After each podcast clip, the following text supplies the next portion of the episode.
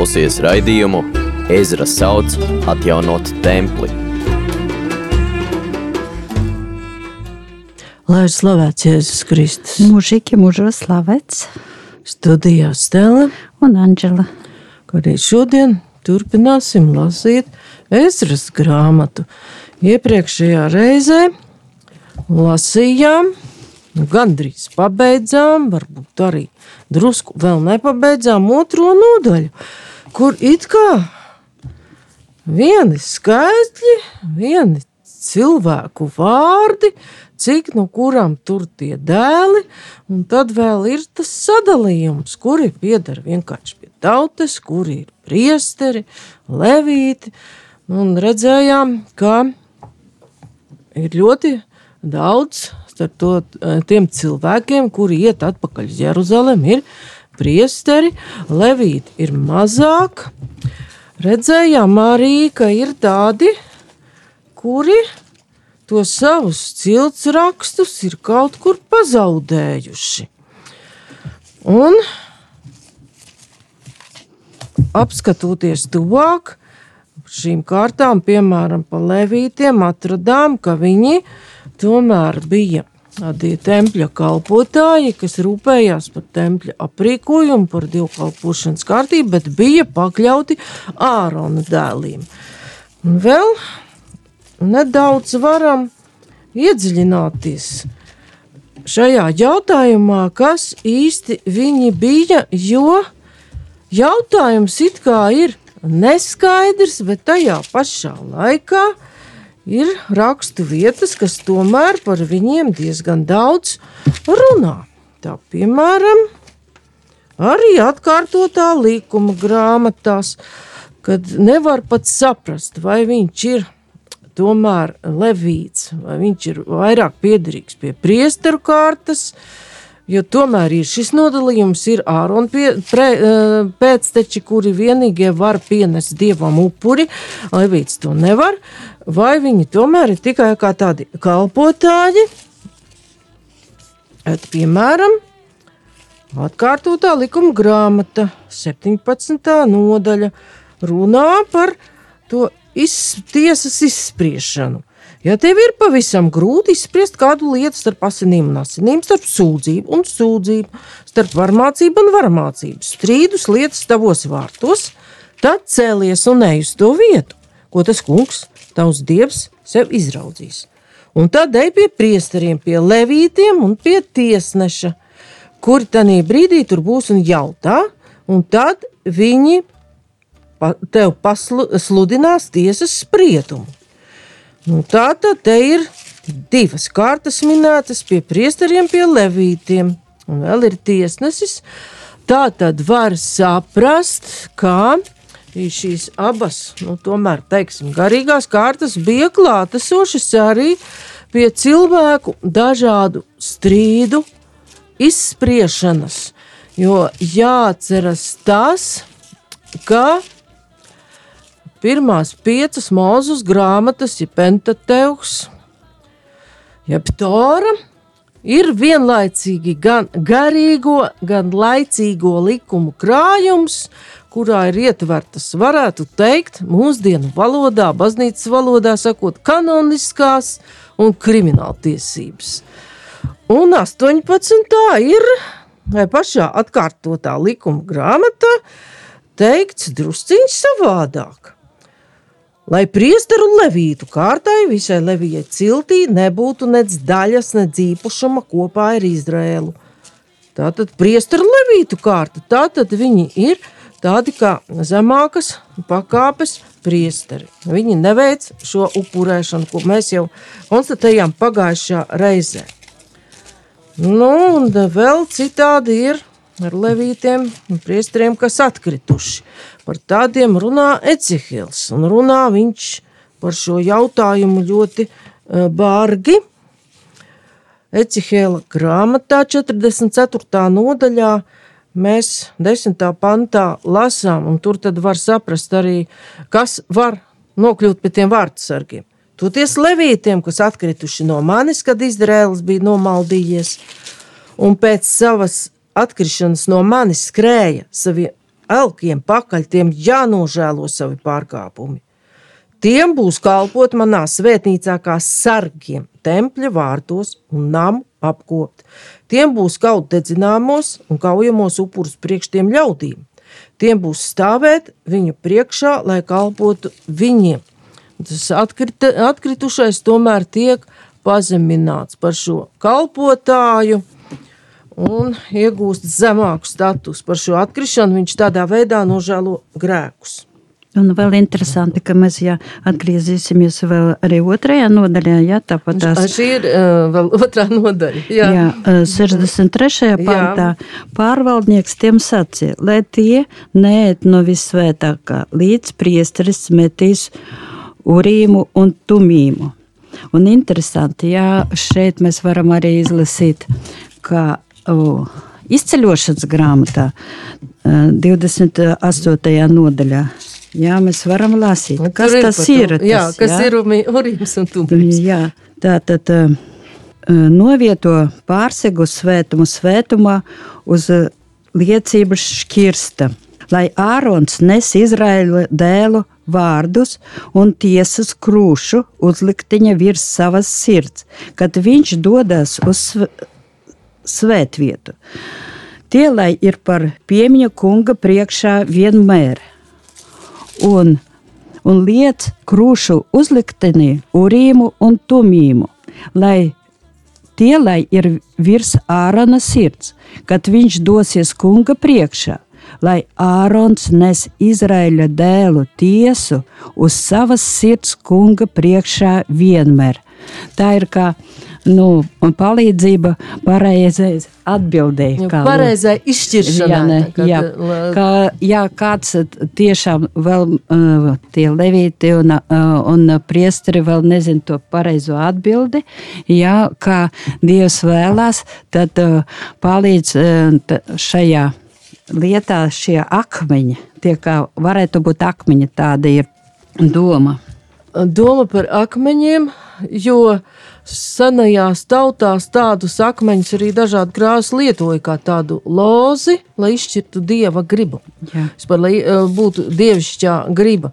Tātad tas it kā var teikt, dievs pielāgojas tām realitātēm, kādās dzīvoja šie cilvēki. Ir vērts arī ielūkoties dziļāk, vēl tajā pašā otrajā nodaļā, kas tur ir ar to barzilaju. Jo eh, redzam, ka arī eh, no priesteru dēliem, Habajas dēli, Hakoca dēli, Barzileja dēli, kas bija ņēmis sievu no gileādieša Barzileja meitām un tika nosaukt pēc viņa vārda. Nu, tie ir tie cilvēki, kur tālāk uh, ir šis norādījums gaidīt šo uh, spriedumu ar urīmu un tumīmu. Viņi gan meklēja savus ciltrakstus, bet neatrada. Un tāpēc viņas izslēdz no priesteru kārtas kā nešķīstas. Un tālāk ir uh, šis teksts par tiem akmeņiem. Un kas tad tur ir tik slikts tajā visā? Jo Habajas dēli un Hakots dēli ir vienkārši pieminēti, bet Barzilais ir minēts drusciņ tā izvērstāk. Uh, Jo, nu, kad Barzilē dēli ņēmuši sievu no Gileādiešu Barzilē meitā. Un mēs jau uzreiz saprotam, ka šis vīrs, kaut arī ir no priesteru kārtas, viņš saucas tā Barzilāja dzimtas uzvārdā. Tā tad to savu pēctecību īpaši neizceļ. Un uh, īpaši viņu tā nu, nevērtē augstu, jo trimdā Babilonā priest, piedarība priesteru kārtai nedeva neko. Un tas barzilais ir svētos rakstos minēts. Otrajā samuēla grāmatā un mēģināsim atrast šo aprakstu un kāpēc tas ir arī nozīmīgs. Jo liekas, nu, kāpēc viņu tur vajadzētu pieminēt. Tā otrā samuēla, cerēsim atrast. Jo Barzilais nebija nekāds nieka vīrs. Nu jā, tie meklēja savus ciltsrakstus, Jā. jā. bet neatrada. Tāpēc kļuva nešķīsti priestera amatam.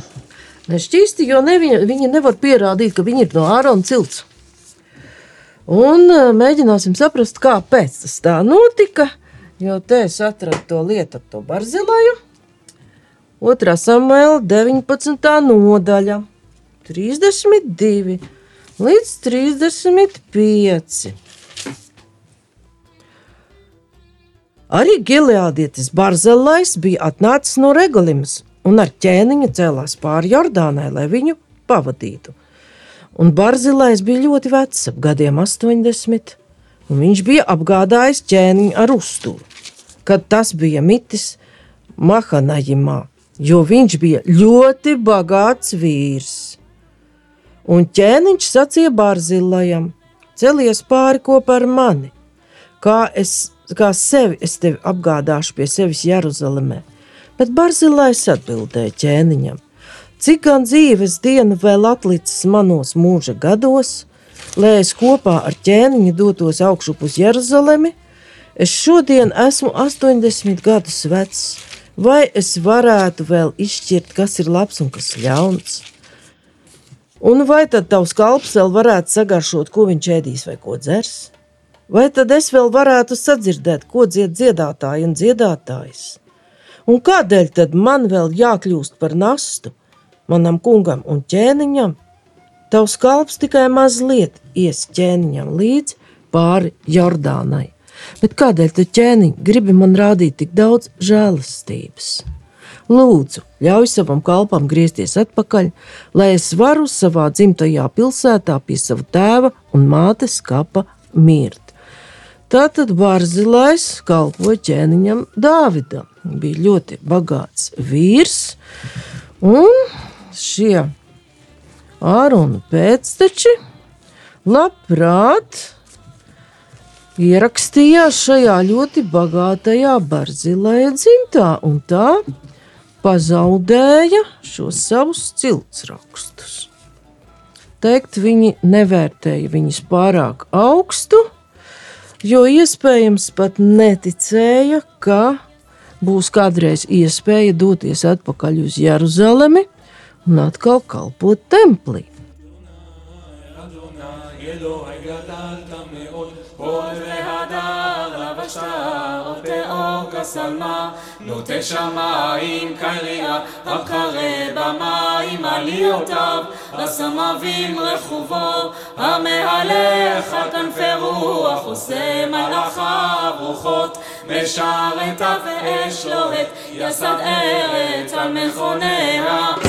בתיבות עולם ועד.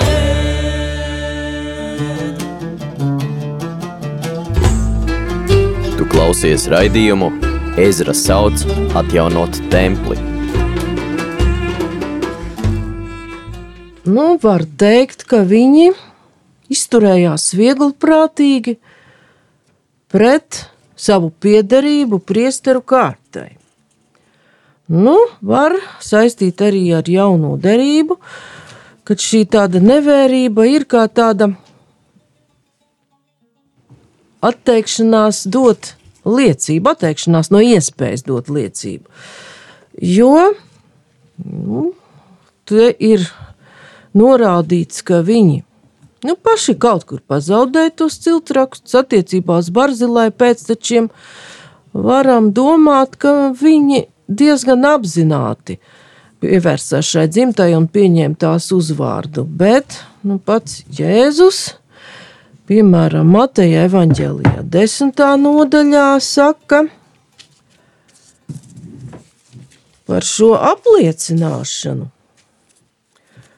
Jo, ja skatīsimies to situāciju Babilonā, vēsturiski bija pat visai izdevīgi šo piedarību Āronu, Āronu pēcteču saimei nereklamēt.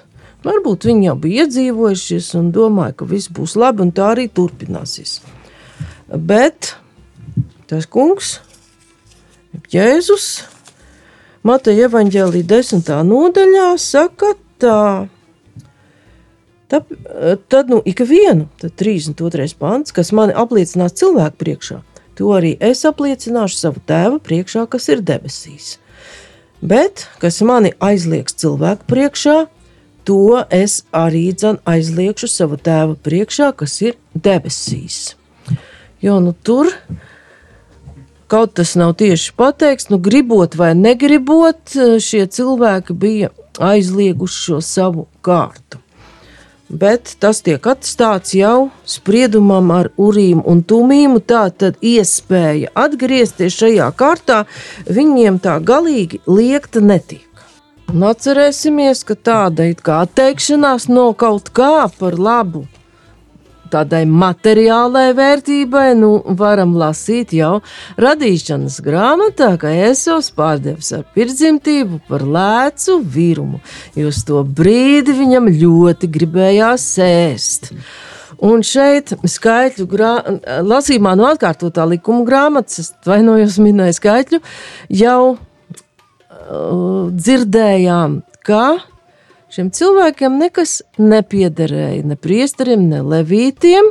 Viņi pārtika no šīs upuru gaļas, un arī kungs Mateja evaņģēlijā saka, ka, un kāpēc tas tā bija, mēs jau to atrodam arī Mateja evaņģēlijā, ka 6. nodaļa, 24. pants, neviens nevar kalpot diviem kungiem.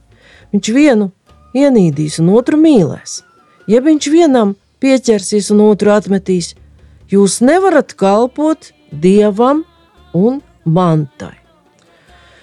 Un pēc tā, ka pieminēts ir barzilais un ko varam atrast par barzilaju, jo kopumā šī bagātā vīra raksturojums ir ļoti gaišs, bet viņa pēcteči veicot šo pierakstu jau pēc Barzilaja dzimtas bija padevušies tomēr šim bagātības un bagātības stabilitātes vilinājumam.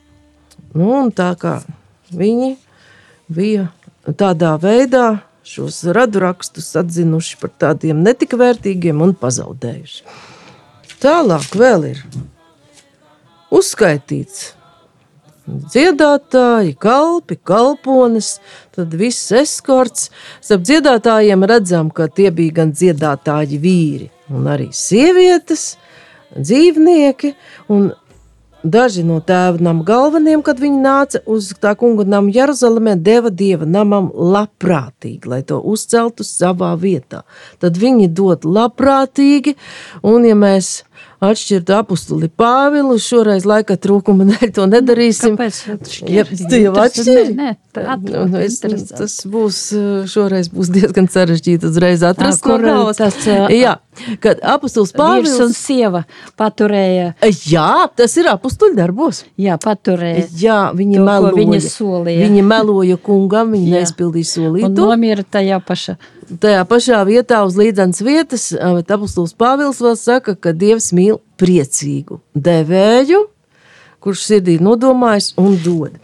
Tātad šeit ir runa par priecīgiem devējiem. Nu, jā, šeit arī būtu varētu uh, uh, izlasīt jau pirmo, Jā. uh, Jā, pirmo, ejam pirmo tālāk, jā. pantu, jā. Jā. Ezras grāmata, kad pienāca septītās, septītais mēnesis, trešais. dēļ no savām pilsētām, visi kā viens tika sapulcināti Jeruzalemē. Jā, un šeit arī tas ir, ko es gribēju arī lasīt par pirmo kristiešu dzīvi ka ik viena dvēsele pildījās ar bijību. Gan daudz brīnumu, gan zīmju notika caur apstuļiem. Visi ticīgie turējās kopā, un viss viņiem bija kopīgs. Viņa pārdeva savu mantu un īpašumus un izdalīja visiem, kā kuram vajadzēja. Dienu no dienas tie vienprātībā pulcējās templī, bet mājās tie lauza maizi un kopīgi ēda, līdzsvarā un sirds vienkāršībā, slavēdami Dievu un baudīdami labvēlību tautā, un kungs ikdienas pievienoja viņu pulkam aizvien jaunus izglābtos. Tādā.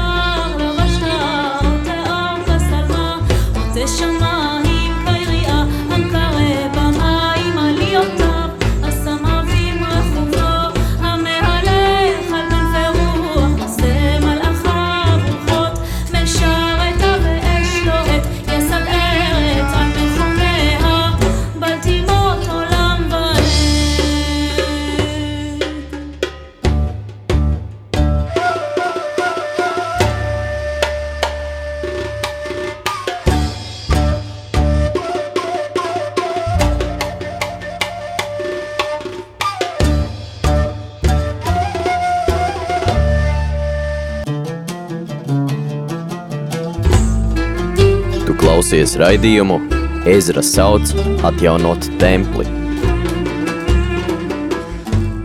Šeit jau mēs redzam, šajā fragmentā, tempļa celtniecības garīgo nozīmi, ka šie cilvēki, kas ir vienprātībā, šī pirmdraudze, ceļ šo dieva templi virs zemes, baznīcu. Un arī šeit mēs nevaram neizlasīt no apstuļiem darbiem, otrās nodaļas. Ja? Un, kad pienāca vasaras svētku diena, visi bija sanākuši kopā. Pēkšņi no debesīm nāca šņākoņa kāda tāda, kas stipra vēja brāzma un piepildīja visu namu, kur viņi sēdēja, un viņiem parādījies it kā ugunsmēlis. Tas sadalījās un nolaidās uz ikvienu no tiem, un visus piepildīja svētais gars, un viņi sāka runāt svešās mēlēs, kā gars viņiem deva uzru, izrunāt, bet Jeruzalemē dzīvoja jūdi, dievbijīgi vīri no visām pasaules tautām. Kad šīs skaņas kļuva dzirdamas, daudz ļaužu pulcējas un visi bija lielā apjukumā, jo katrs dzirdēja viņus runājam savā valodā. Arī varam šeit paralēlis izvest ar pirmo baznīcu. Ja? Jā, un pirmā baznīca, kā dieva templis, un šeit man ir šķiet cits tulkojums, un viņš pat labāk sasauksies ar to, ko mēs lasām Ezras grāmatā, kad vasaras svētku diena bija atnākusi, visi bija sapulcējušies vienā vietā, visi ir kopā, visi ir vienā vietā, starp viņiem ir vienprātība. Tas pats, ko mēs lasām arī Ezras grāmatā, ka viņi nāca kā viens, sapulcējās kā viens vīrs Jeruzalemē. Bet apstuļu darbos tiek dibināta baznīca, kur ir jau debesu Jeruzalemes šis uh, pasludinājums. Un kā viens vīrs mēs to redzam vēl Ezras grāmatas trešā nodaļā, un Ješua un viņa dēli, un brāļi, un kadmielis, un viņa dēli, un jūdas dēli.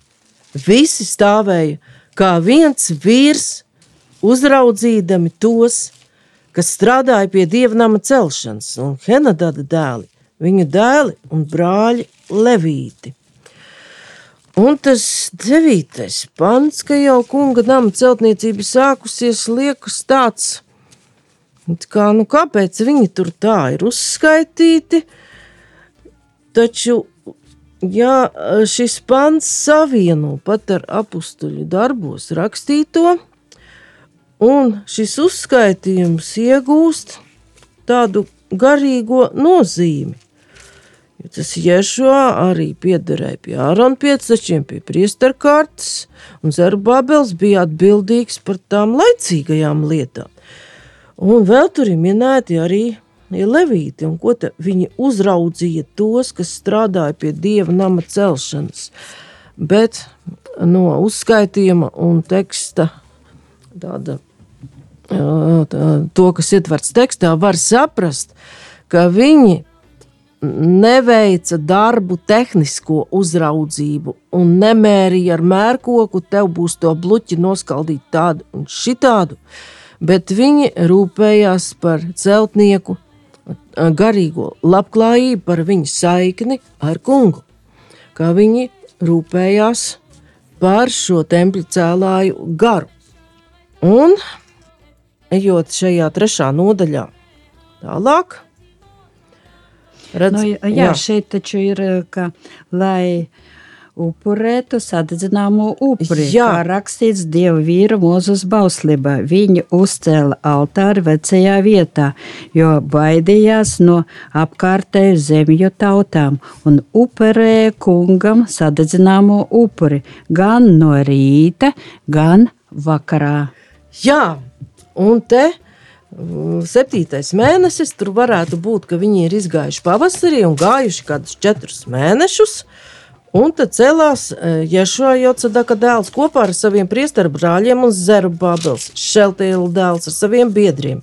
Un uzcēla Izraēla dieva altāri, lai nestu uz tā dedzināmos upurus, kā rakstīts dieva vīra Mūzes bauslībā.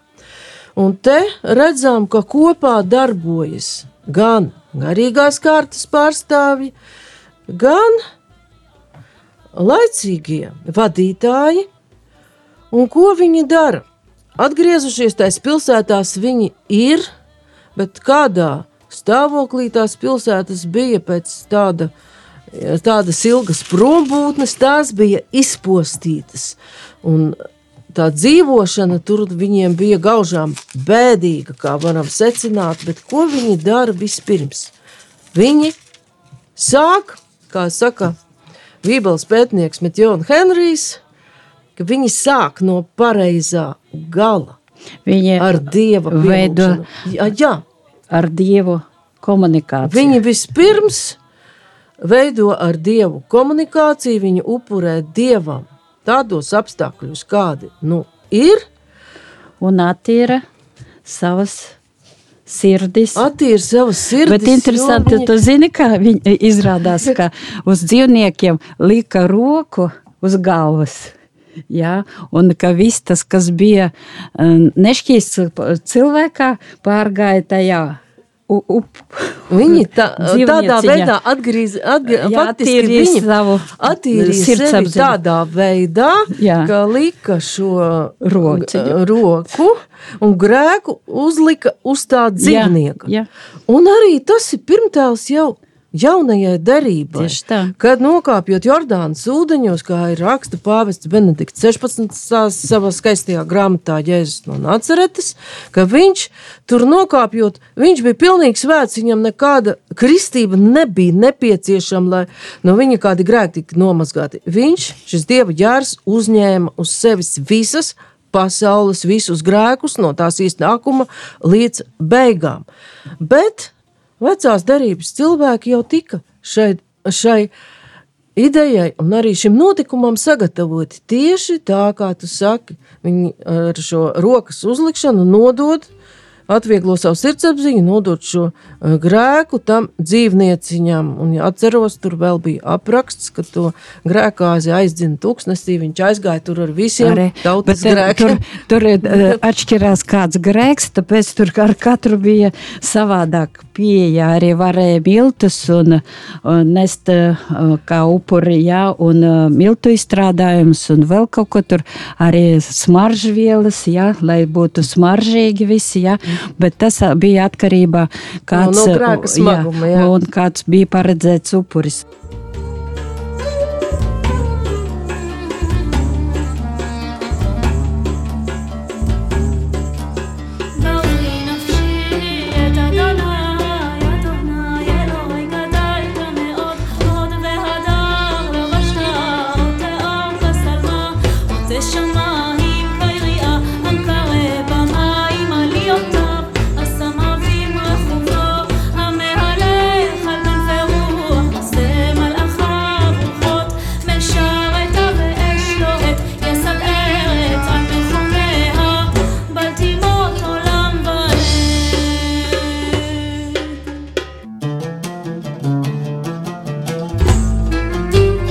Klausies raidījumu Ezra sauc atjaunot templi.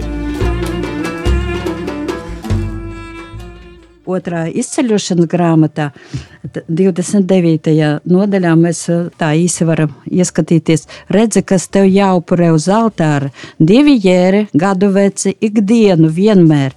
Vienu jēru upurē no rīta, otru jēru upurē starp mīkrēsli un tumsu, un vēl desmito daļu mēra miltu, sajauktu ar ceturdaļu hīna, spiesta sēļas un lejamo upuri, ceturdaļu hīna vīna, tas pirmajam jēram, otru jēru upurē starp mīkrēslu un tumsu, tāpat kā rīta labības dāvana, tāds pats, lai ir tā lejamais upuris. Tīkama smarža, dedzināmais upuris kungam. Un šeit, kad tas viss eh, notiek, Es, eh, kungs saka, es svētīšu sajiešanas telti un altāri un āronu un viņa dēlus un svētīšu sev par priesteriem. Es mājošu starp Izraēla dēliem, es būšu viņam par dievu, un viņi zinās, ka es esmu kungs, viņu dievs, kas viņus izvedis no Ēģiptes zemes, lai es mājotu viņu vidū. Es esmu kungs, viņu dievs. Paldies! Šis upuru apraksts ir arī skaitļu grāmatā, 28. nodaļā, bet šeit tas ir pat tāds pilnīgāks. Un kopumā mēs varam secināt, ko? ka tauta atsāk dieva godināšanu tā, kā ir rakstīts likumā. Viņi pirms cel šo templi no akmeņiem jau viņu godina ar šiem upuriem, lūkšanām tieši tā, kā tas ir noteikts. Šajā atkārtotā likuma grāmatā, skaitļu grāmatā, arī Levita grāmatā mēs daudz ko no šīs kārtības atradīsim. Tātad vispirms viņi piesauc Dieva svētību, stājas attiecībās ar Dievu, lai tad sāktu celt templi no akmeņiem. Jā, un eh, nu, tā kā mēs jau mazliet runājam par to upuri jā, un pienesšanu upura, jā, mēs nevaram neizlasīt no vēstules ebrejiem pa mūsu laikiem, pa Jēzus Kristus upuri. Jā. Uh, ja apslacīšanas ar āžu un vēršu asinīm un upurētas teles pelniem svē, svēti miesa šķīstišanai tos, kas apgānījušies, cik gan daudz vairāk Kristus asins, kurš mūžīgā gara spēka pats sevi ir pienesis par nevainojumu upuri Dievam. Šķīsti mūsu sirdsapziņu no mirušiem darbiem, kalpošanai dzīvajam Dievam. Paldies! Tātad šeit, jaunā derībā, ir atklāta pilna vecās derības teksta nozīme, uz ko šī visa upuru sistēma sagatavo izredzēto tautu. Un tagad jau varam, kaut arī redzējuma laiks jau palēnām iet uz beigām, lasīt tālāk, kad ir pienesti šie upuri atjaunoti visi šie svētki, arī 4. pantā mēs lasām, un viņi svinēja būdiņu svētkus, kā rakstīts. Nu, upurēja katru dienu dedzināmos upurus noteiktā skaitā, kā ikdienas pienācās. Tikai tad viņi dod lakmeņu lauzējiem, namdariem naudu, ēdienu, dzērienu un eļļu. Sidoniešiem un tīriešiem, lai tie atvestu ciedru kokus no Libanona pa jūru uz Jafu, saskaņā ar Persijas ķēniņa Kīra doto atļauju. Tā tad šeit redzam, ka Jeruzalemē atnākušie cilvēki, kuru gūstniecība ir beigusies, bagātīgi atalgo pat vēl darbu nesākušos, akmeņu lauzējus un namdarus, un dod viņiem ēdienu, dzērienu, eļu, un vēl mēs lasām, kas tie tādi bija. Jā. Tie bija pagāni, tie bija svežzemnieki, sidonieši un tīrieši, lai tie atvestu ciedru kokus no Libanona pa jūru. Sidona un Tīra bija ļoti bagātas senās Feniķijas pilsētas, un paši feniķieši bija teicami jūras braucēji, jo izradzētās tautas cilvēki, kaut arī tur jūra bija klāta un ūdeņi bija, viņi pārāk ar tiem nedraudzējās. Bet fēniķieši savukārt bija jūras braucēji, un tas arī bija pat viņa pilsētu bagātības pamatā. Un interesanti ir tas, ka šī saikne ar šīm pilsētām nebūtu nebija jauna arī tīras valdnieks Hīrams palīdzēja Salamana tempļa celšanā. Bet šodien raidījuma laiks jau beidzas. Un kā templis tiek celts, kāds ir pirmais iespējas par šiem pamatiem, Kā cilvēki priecājas vai pat skumst, to jau mēs redzēsim nākamo reizi. Šodien paldies par uzmanību. Studijā bija Stela un Anģela. Izskanēja raidījums Ezra sauc atjaunot templi